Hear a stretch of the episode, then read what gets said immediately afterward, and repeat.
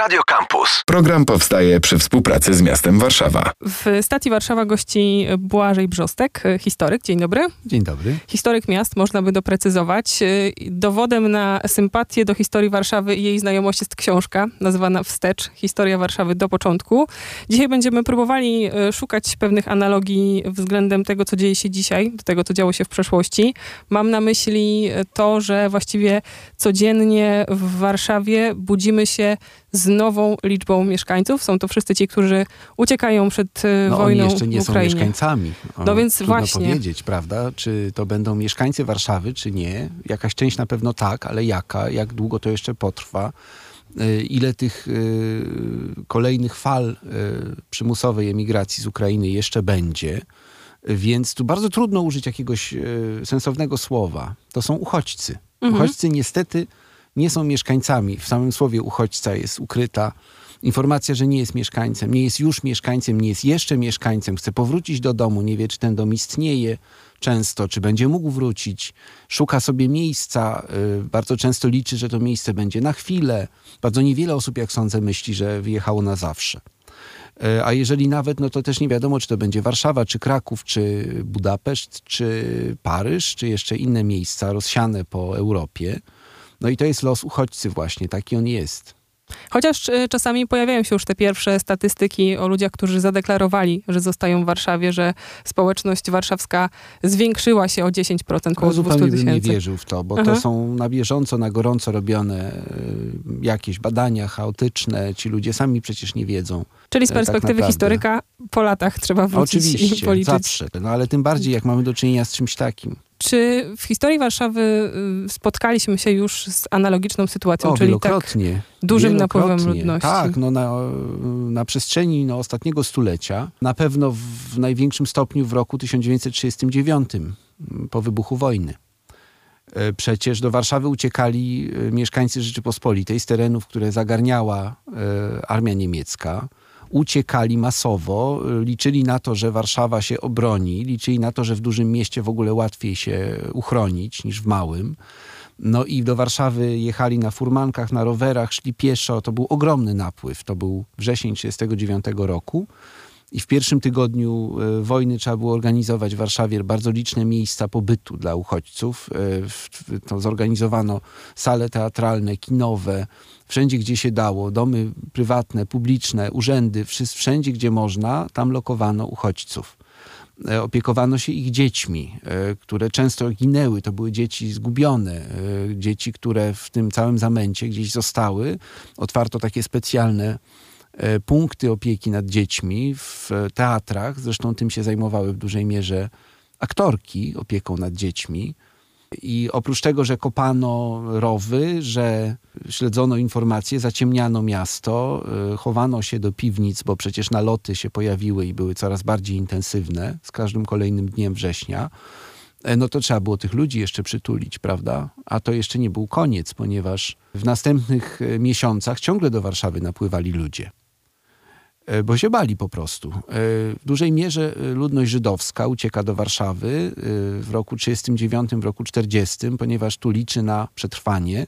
Później, jak jest utworzone getto warszawskie, znowu ludność żydowska e, do getta napływa i to w różny sposób, bo Niemcy tworzą przecież w całej Europie właściwie zajętej getta, albo w każdym razie, jeśli nie, no to ludność żydowską powoli starają się kontrolować, naznaczyć, a potem transportować. I te transporty idą także do getta warszawskiego, więc są organizowane, plus napływ spontaniczny z mniejszych gett na terenie y, generalnego gubernatorstwa. Po prostu ludzie uciekają, często y, za pieniądze, za duże pieniądze. Są specjalne y, sieci pośredników, którzy szmuglują ludzi po prostu do Warszawy z jednego powodu. Y, Zaczynają krążyć coraz bardziej paniczne y, wiadomości, pogłoski i sprawdzone wiadomości wreszcie o likwid- tak zwanej likwidacji gett. I w to, że getto warszawskie zostanie zlikwidowane, to tak naprawdę ludność żydowska nie wierzy, nie może w to uwierzyć. Przecież to jest kilkaset tysięcy ludzi. Jak można zlikwidować takie getto? To się nie mieści w głowie. Więc wydaje się, że to jest miejsce względnie bezpieczne, bezpieczniejsze niż małe getta, których likwidacja się wydaje możliwa, prawda? E, I mamy obóz uchodźców w getcie warszawskim. To znaczy oprócz ludzi, którzy do getta, bo getto, no to można by całą audycję na to poświęcić, ale to jest bardzo ważny czas, jeśli chodzi o tego typu zjawiska. Obóz uchodźców w getcie. Przeskakuje do lat powojennych i tutaj sytuacja będzie się odwracała, to znaczy będą wracali mieszkańcy w 45, a z kolei, to już kolejny duży przeskok, y, będziemy doświadczać odpływu ludności żydowskiej w 68 Tak. roku. No tak, nie tylko w 68, bo i wcześniej, dwukrotnie y, w latach 40. po pogromie kieleckim jest bardzo silna y, emigracja Żydów z Polski, tak zwana alija. Potem w roku 56, gdy narastają różne antysemickie emocje w Polsce i w roku 68 rzeczywiście. Y, To są odpływy, które właściwie likwidują bardzo małą e, społeczność, ale jednak bardzo żywą społeczność żydowską Warszawy powojennej. E, No i e, mamy ciągle do czynienia, no to jest burzliwy czas, lata 45-54. To jest ogromny napływ do Warszawy y, imigrantów, nie uchodźców, tylko imigrantów, e, głównie z, z polskiej wsi. E, Więc mamy wielokrotne zjawisko takiego falowania. Najpierw wracają rzeczywiście, tak jak pani powiedziała, do Warszawy byli mieszkańcy. Potem część z nich wyjeżdża, ponieważ nie znajduje swoich domów, mieszkań, nie ma miejsca pracy. To są też często ludzie straumatyzowani bardzo przez wojnę, więc te ruiny Warszawy no, ciągle im przypominają o stracie bliskich, o, e, o tej katastrofie, jaka nastąpiła. Więc oni próbują sobie ułożyć życie zupełnie na nowo, jakby nowe życie i y, z Warszawy, wy- z ruin wyjeżdżają na przykład do Gdańska, w ogóle do Trójmiasta, to był bardzo popularny kierunek, albo do Wrocławia, albo do Szczecina później, żeby odjechać gdzieś w miarę daleko od wspomnień. Y, Ale też znowu y, napływają ludzie, którzy przed wojną nie mieszkali w Warszawie, którzy się podają za byłych mieszkańców Warszawy, licząc na to, że no, jakoś im to ułatwi życie w Warszawie. Dlatego dane ze spisu powszechnego z roku 1950, które mówią, że w Warszawie mieszka no, powyżej połowy był, m, mieszkańców przedwojennych, e, są nieprawdziwe najpewniej. To znaczy ludzie podają się za byłych mieszkańców Warszawy, znowu, bo się boją, że a nuż władza na przykład postanowi pewnego dnia wszystkich migrantów przesiedlić gdzieś. To jest taka władza. Ludzie nie mają zaufania do władzy, boją się jej działań. Z kolei do Warszawy, no właśnie, napływa ogromną masą ludność yy, z Mazowsza generalnie, zwłaszcza północnego, ale w ogóle z Mazowsza i w ogóle z Polski, szukając pracy przy odbudowie miasta. To jest ogromny plac budowy i ci ludzie, znowu, oni nie są uchodźcami, oni są migrantami, ale oni przyjeżdżają do miasta, w którym bardzo często nie mają nic. Nie mają żadnego punktu zaczepienia. Y, I władze wtedy organizują akurat tutaj bardzo sprawny system kwaterowania w postaci hoteli robotniczych. I kilka procent mieszkańców Warszawy w latach 50. mieszka w hotelach, mając nadzieję, że kiedyś dostaną mieszkanie.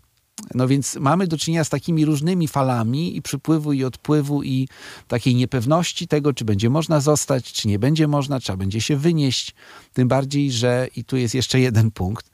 e, Władze organizują taki bardzo autorytarny system e, meldunkowy. Takie sposoby zakotwiczenia się w mieście, bycia mieszkańcem też są istotne, czyli meldunek, adres po Meldunek. prostu. Bez meldunku człowiek e, no, może liczyć się z prześladowaniem przez milicję. Jeżeli się u kogoś ulokuje nielegalnie, no to milicja może to e, sprawdzić i wtedy nakłada grzywny. E, W latach stalinizmu jeszcze dodatkowo ludzie się boją po prostu wysiedleń, które próbowano robić wysiedlenia z Warszawy na początku lat 50., takie planowe, tak zwany element zbędny, szkodliwy i wrogi usuwano z miasta. I to była akcja zaplanowana na dużą skalę, potem praktycznie no, nic z tego nie wyszło. Na szczęście. Taki polski stalinizm był, można powiedzieć, przy całym jego no, okrucieństwie, jakie znamy, wariantem bardzo bałaganiarskim, powiedziałbym, systemu totalitarnego. Więc bardzo wiele różnych złowrogich działań po prostu nie wychodziło i to było jedno z nich. Ono nie wyszło. A czy te, to podejście władzy przenikało też y, na kontakty międzyludzkie? Myślę sobie, czy po prostu ludzie rzeczy. byli właśnie przyjmowani, czy jednak y, No, nie było to łatwe, żeby wniknąć? silnie oddziaływało, dlatego że od roku 54, to jest ważna data w historii Warszawy, obowiązywał system e, restrykcyjny, system meldunkowy, e, w którym meldunek uzyskiwał w Warszawie człowiek, tylko pod pewnymi warunkami i to bardzo ścisłymi. Na przykład posiadający pewien rodzaj wykształcenia albo wyuczonego zawodu. Więc lekarz albo kierowca autobusu mógł liczyć na łatwe zameldowanie w Warszawie. Wszyscy inni praktycznie nie, chyba że na przykład kupili nieruchomość. To było ciekawe w tym systemie socjalistycznym, prawda, który niby nie lubił własności prywatnej, metodą e, zamieszkania w Warszawie, dostania meldunku było kupienie nieruchomości, czyli na przykład e, domku, e, gruntu. To oczywiście tylko dotyczyło ludzi zamożnych, więc było taką bardzo przewrotną cechą tego systemu. Wreszcie można było uzyskać meldunek poprzez małżeństwo. I to była praktyka naprawdę dość szeroko rozpowszechniona. Y, zwłaszcza na przykład wśród studentów. Studenci napływali na UW albo na Politechnikę, prawda? I, albo na SGGW i oni nie mieli prawa zostać po studiach w Warszawie. Jeżeli nie mieli meldunku, no musieli wyjechać i dostawali w dodatku skierowanie do pracy. To jest taki system, który dystrybuuje pracę. Więc... W różnych częściach kraju. Tak, no w, w, na wsi, w mieście, bez właściwie większego wpływu na te decyzje byli po prostu szkoleni jako kadry, które mają y, zapewnić gospodar tak zwanej gospodarce narodowej rozwój. No to nauczycielka jedź do wsi pod Białymstokiem, bo tam akurat jest potrzebna nauczycielka. W Warszawie nauczycieli jest dość. I żeby sobie z tym poradzić, y, wielu studentów zawiązywało małżeństwa, y, które bardzo szybko się oczywiście potem rozpadały, ale to już pozwalało, jeżeli jedna z osób miała meldunek warszawski, tej drugiej dostać meldunek. To jest bardzo podobne zjawisko do tych wszystkich kombinacji, jakie robią mieszkańcy innych części świata, żeby na przykład stać się obywatelami Unii Europejskiej. E, fikcyjne małżeństwa. E, I to także dotyczyło Warszawy. I te nieruchomości jako to działa do dzisiaj, prawda? Jako możliwość e, nabycia adresu czy meldunku. A no to tak, to zawsze. Zresztą to jest bardzo stare zjawisko, bo tak było od początku istnienia Warszawy i w ogóle tego typu miast na, na prawie niemieckim, że e, obywatelstwo miejskie się zyskiwało e, różnymi drogami, ale jedną z głównych było nabycie nieruchomości. Jak człowiek nabył w mieście nieruchomość, stawał się obywatelem miasta i miał prawa z tym związane, czyli jednym słowem był chroniony przez przywilej miejski. Natomiast kto nie miał, no to był traktowany jak taki mieszkaniec czasowy, i zresztą ta historia wyrzucania z Warszawy ludzi to jest długa historia. Wyrzucano z różnych powodów. Przez setki lat wyrzucono na przykład całą społeczność żydowską, e, wprowadzając przywilej nietolerancji Żydów na początku XVI wieku. Więc potem nie wpuszczano. E, ale były oczywiście różne sposoby, żeby zyskać e, taką możliwość, niekiedy nielegalne, ale nie wpuszczano. Wyrzucano w momencie zarazy. No, gdyby taki COVID y, zdarzył się w średniowieczu, jak się zdarzył dziś, to po prostu zarażonych by pędzono precz z miasta. I to była ta najprostsza metoda. Oczywiście nie mieszczan, nie obywateli miasta właśnie, tylko y, no, całą resztę. Czyli tę ludność służebną, ludność, która, ludność ubogą, ludność wykonującą pracę jakieś tam fizyczne, prawda? To w momencie zarazy bez pardonu wyrzucano poza mury. E, i nawet zatrudniano takich specjalnych e, osiłków, których nazwano e, wyganiaczami, którzy mieli wyganiać, pilnować, żeby poza wały, poza okopy. Z tego też powodu stopniowo tworzono obwarowania różne i właśnie w postaci okopów, wałów, to w XVII-XVIII wiek ponawiane działania w związku z epidemiami.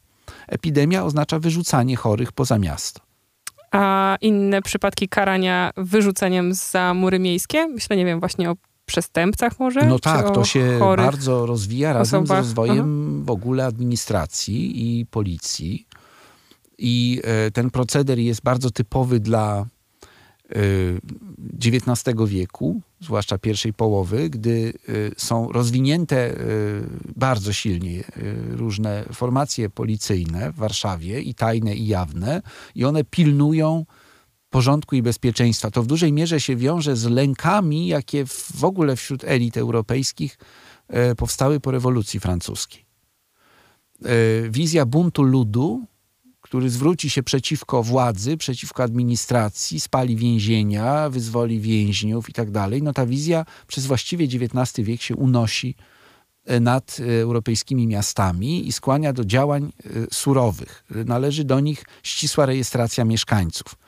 Innymi słowy, kto się porusza po mieście bez papierów, no może się liczyć z tym, że przy kontroli, jeżeli nie ma dowodu zamieszkania i pracy w Warszawie, no to wtedy będzie prześladowany. Jednym z tych e, prześladowań jest wyrzucenie poza rogatki.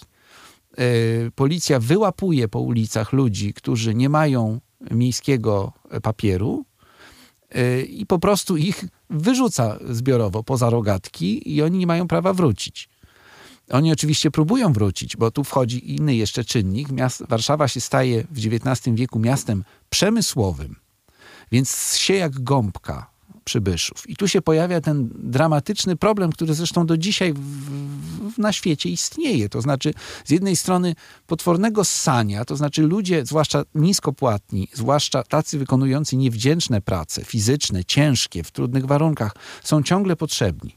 W mieście ciągle jest ich mało, więc się ich chłonie. Ale z drugiej strony ci sami ludzie mogą się stać elementem zagrożenia. Oni się mogą stać tak zwanymi ludźmi luźnymi, mogą się zbuntować, mogą, nie daj Boże, nie wiem, założyć to już druga połowa XIX wieku, związek zawodowy albo skumać się z jakimiś ekstremistami w rodzaju, e, bo ja wiem, socjalrewolucjonistów. I jeżeli się trochę podszkolą w tej pracy, to w ich głowach zaczyna się zalęgać coś, co nazywano ideą na przykład idea rewolucyjna, idea walki klas, idea no, rozmaita mogła być, potem idee skrajnie prawicowe, to wszystko jest bardzo podatny grunt, więc z jednej strony chłonie się migrantów szukających pracy, a z drugiej strony cały czas się ich boi, obawia ich reakcji, więc stara się ich pilnować, kontrolować. Muszą mieć papiery w porządku, muszą, e, muszą być cicho, prawda? Muszą mieszkać w określonych miejscach. Najlepiej, żeby były specjalne dzielnice, gdzie klasa robotnicza mieszka, żeby nie przeszkadzała swoim widokiem e, burżuazji, prawda? I z tym wszystkim idzie w parze właśnie napięcie związane z samą ideą miasta. No miasto się niebywale rozrasta. Warszawa miała e, w 1820 roku 100 tysięcy mieszkańców i już wydawała się miastem wielkim. W 1860 roku ma 200 tysięcy, czyli minęło 40 lat, powiększyła się dwukrotnie, ale to na przestrzeni 40 lat, no to są, jest życie dwóch pokoleń, powiedzmy, właściwie, prawda? Więc to nie jest tak wyraziste, ale mija znowu 25 lat i Warszawa ma już nie 200, tylko ma 500 tysięcy mieszkańców czyli ten czas się skraca do połowy, a wzrost przyspiesza, a na początku XX wieku już Warszawa ma ponad 800 tysięcy, czyli na przestrzeni życia jednego pokolenia Warszawa rośnie 2-3 razy. I to było wydarzenie, wydarzenie, to był proces bardzo poruszający dla mieszkańców, zwłaszcza tych starszych, bo oni przestają poznawać swoje miasto. I tu dochodzi jeszcze jeden element, którego nie można pominąć. Ogromna, masowa y, imigracja żydowska drugiej połowy XIX wieku związana z polityką caratu, związana z polityką w Rosji, z wypychaniem Żydów z centralnej Rosji. Oni tam od lat 80. XIX wieku e, są wypychani intensywnie. E, no, w związku z nastrojami pogromowymi, w związku z pewnymi wyobrażeniami o porządku publicznym, no i z polityką. Można kierować emocje negatywne wobec prawda? E, elementu, który, który jest wrażliwy, łatwo, łatwo zniechęcić.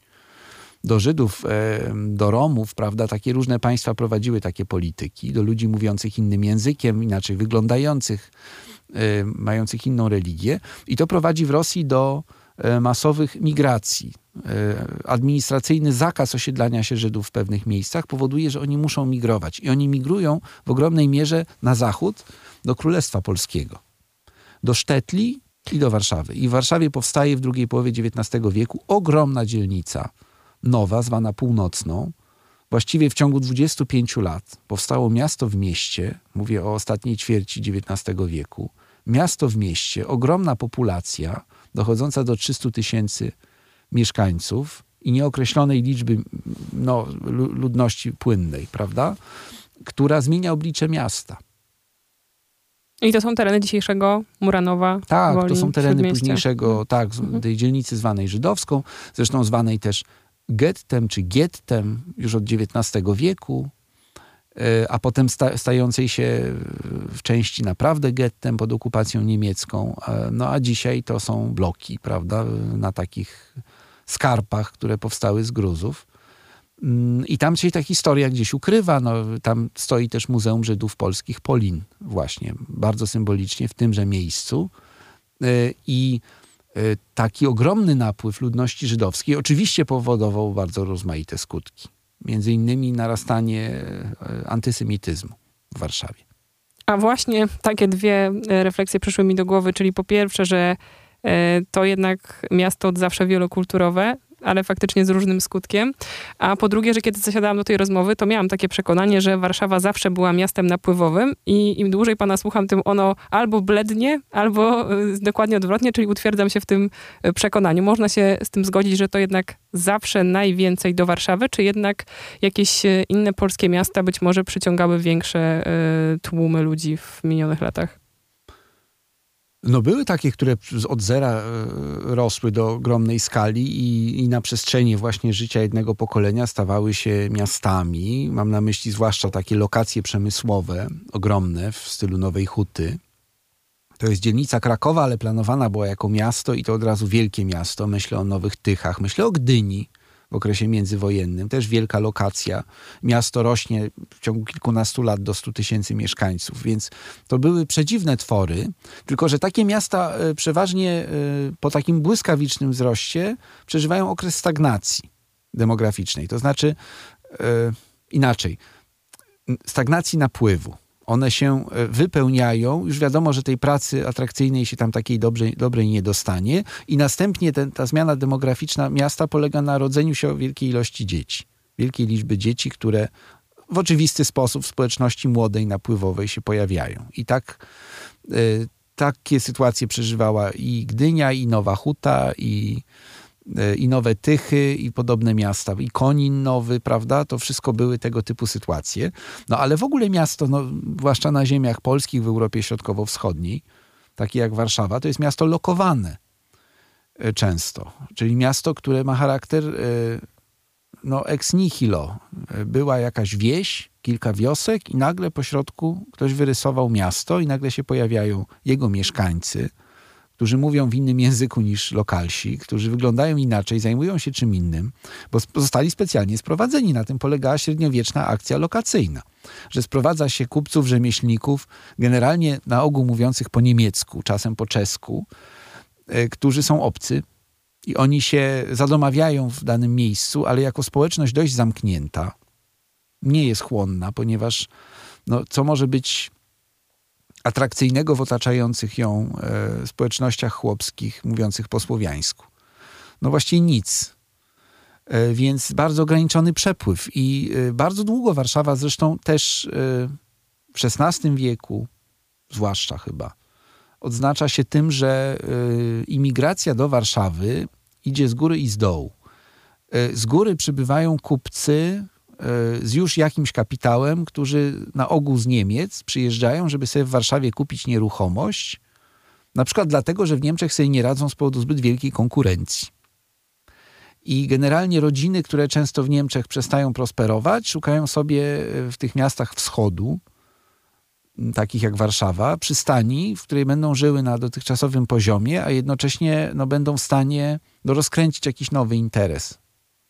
E, I to jest z góry, a z dołu no to są wszyscy ci uczniowie do warsztatów e, czeladnicy, ta cała biedota, która się ciśnie do Warszawy, która mówi w języku lokalnym, czyli w języku polskim, która wiadomo, że nie będzie w mieście awansowała, nigdy nie zostaną kupcami. E, najwyżej zostaną, no, mogą zostać w następnym pokoleniu na ogół właścicielami jakiegoś warsztatu rzemieślniczego, ale to też jest mało prawdopodobne. No i potem jeden epizod, no, którego nie można pominąć. XVII wiek Warszawa zostaje e, stopniowo obdarzona takimi funkcjami stołecznymi.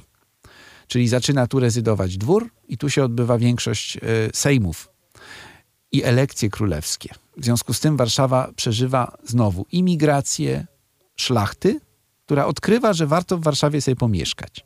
Warto tu mieć na przykład dwór, pałac. Magnaci chcą mieć w Warszawie pałac, żeby być blisko króla. Jednocześnie mają swoje nieruchomości ziemskie daleko, bardzo często daleko, na przykład na Litwie, i dojeżdżają sobie do Warszawy od czasu do czasu, gdy im jest to potrzebne. I zresztą to zjawisko będzie do XIX wieku aktualne. To znaczy, e, zamożny człowiek w Warszawie ma mieszkanie albo dwór, a poza tym ma swoje włości gdzieś tam, w jakiejś odległości kilkudziesięciu, a nawet czasem kilkuset kilometrów od Warszawy i sobie spędza część roku w Warszawie, a część roku na wsi. Czuję, że to jest jeszcze opowieść, która mogłaby mieć kolejne dziesiątki wątków, ale stawiamy kropkę. Wektory się zmieniały w tej rozmowie i imigrację i emigrację z Warszawy. Skakaliśmy też e, po osi czasu. Nie wiem, czy tak e, w rozmowie z historykiem przystoi, ale tak tam finalnie wyszło. Bardzo dziękujemy. Za... A jak inaczej? Mamy się posuwać cały czas tylko po osi? No tak nas w szkole uczyli, że jakoś od początku, od najstarszego do najnowszego. No i to jest wielka szkoda. I nasz gość jest reprezentantem też drugiego podejścia, zwłaszcza w książce książce nazwanej Wstecz. Błażej Brzostek gościł w stacji Warszawa. Dziękuję. Bardzo dziękuję. Program powstaje przy współpracy z miastem Warszawa. Tu Campus.